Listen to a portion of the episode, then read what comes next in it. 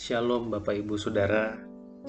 Hari ini firman Tuhan dari 2 Korintus 5 ayat 1 dan 2. Karena kami tahu bahwa jika kemah tempat kediaman kita di bumi ini dibongkar, Allah telah menyediakan suatu tempat kediaman di sorga bagi kita. Suatu tempat kediaman yang kekal yang tidak dibuat oleh tangan manusia, Selama kita diam di dalam kemah ini, kita mengeluh karena kita rindu mengenakan tempat kediaman sorgawi di atas tempat kediaman kita yang sekarang ini. Saudara, pandemi COVID-19 telah membongkar 3 juta tempat kediaman manusia di bumi. Sudah begitu banyak orang yang meneteskan air mata karena ditinggalkan orang yang dikasihi. Setiap orang yang positif atau OTG tentu merasakan kekhawatiran yang besar karena virus corona ini. Saya membayangkan kalau seseorang harus isolasi mandiri di rumah, betapa repotnya hidup ini. Harus di rumah saja, tidak bisa leluasa ke minimarket, tidak bisa melakukan berbagai kegiatan di luar, sebagaimana yang dilakukan orang di dalam new normal. Tetap bisa keluar pakai masker dan sebagainya. Aktivitasnya akan lebih terbatas dan diam di rumah aja akan benar-benar harus dilaksanakan. Sesama harus menjadi lebih repot untuk menolong supaya segala kebutuhan hidup tetap dipenuhi.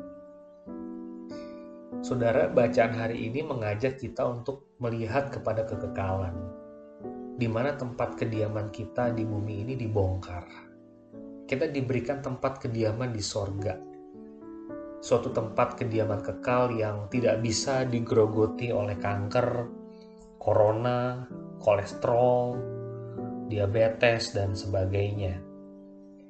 Di dalam langit yang baru dan bumi yang baru tidak akan ada keluhan karena tubuh ini adalah tubuh yang baru yang diberikan Allah kepada umatnya.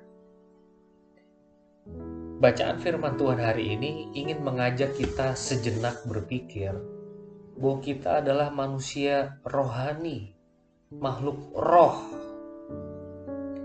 Hidup ini memang di dunia membutuhkan uang, makanan, minuman, gadget, aplikasi, dan berbagai fasilitas lainnya. Tuhan Yesus semasa melayani juga memberikan kekenyangan kepada mereka yang lapar, mereka yang sakit dikaruniakan kesembuhan. Tetapi kedatangan Yesus ke dalam dunia ini utamanya demi keselamatan kekal kita dan perubahan karakter selama kita hidup di dunia ini. Kuasanya itu besar di area itu Saudara ibarat handphone Xiaomi barangkali. Xiaomi bisa digunakan untuk menyalakan TV, AC, e-commerce, e-banking, Google Docs. Saudara bisa main game di dalam handphone, saudara bisa booking reservasi hotel, saudara bisa beli barang, saudara bisa pesan makanan, ini barang yang canggih. Kalau kita cuma mau telepon, SMS, pakai aja Nokia 3310. Nggak perlu lah beli smartphone baru seperti ini. Kalau kita ikut Yesus cuma buat kenyang dan kaya, mending nggak usah.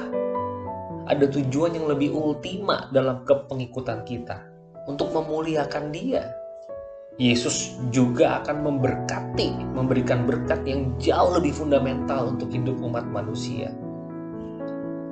Jikalau kita hanya dalam hidup ini saja menaruh pengharapan pada Kristus, kita adalah orang yang paling malang dari seluruh umat manusia. 1 Korintus 15 ayat 9. Saudara, pertanyaan akhir saya hari ini, Sudahkah kita menggunakan semua fitur kekristenan kita? Masa ikut Yesus cuma buat kenyang sama sehat?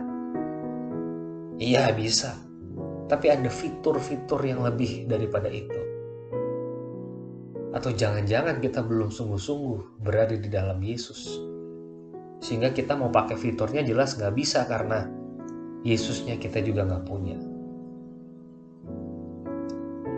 Tuhan Yesus arahkanlah pandangan mata kami kepada hal-hal yang lebih fundamental dalam hidup ini. Sehingga hidup kami tidak fokus dan terlena pada hal-hal yang sia-sia belaka. Di dalam nama Yesus kami berdoa. Amin.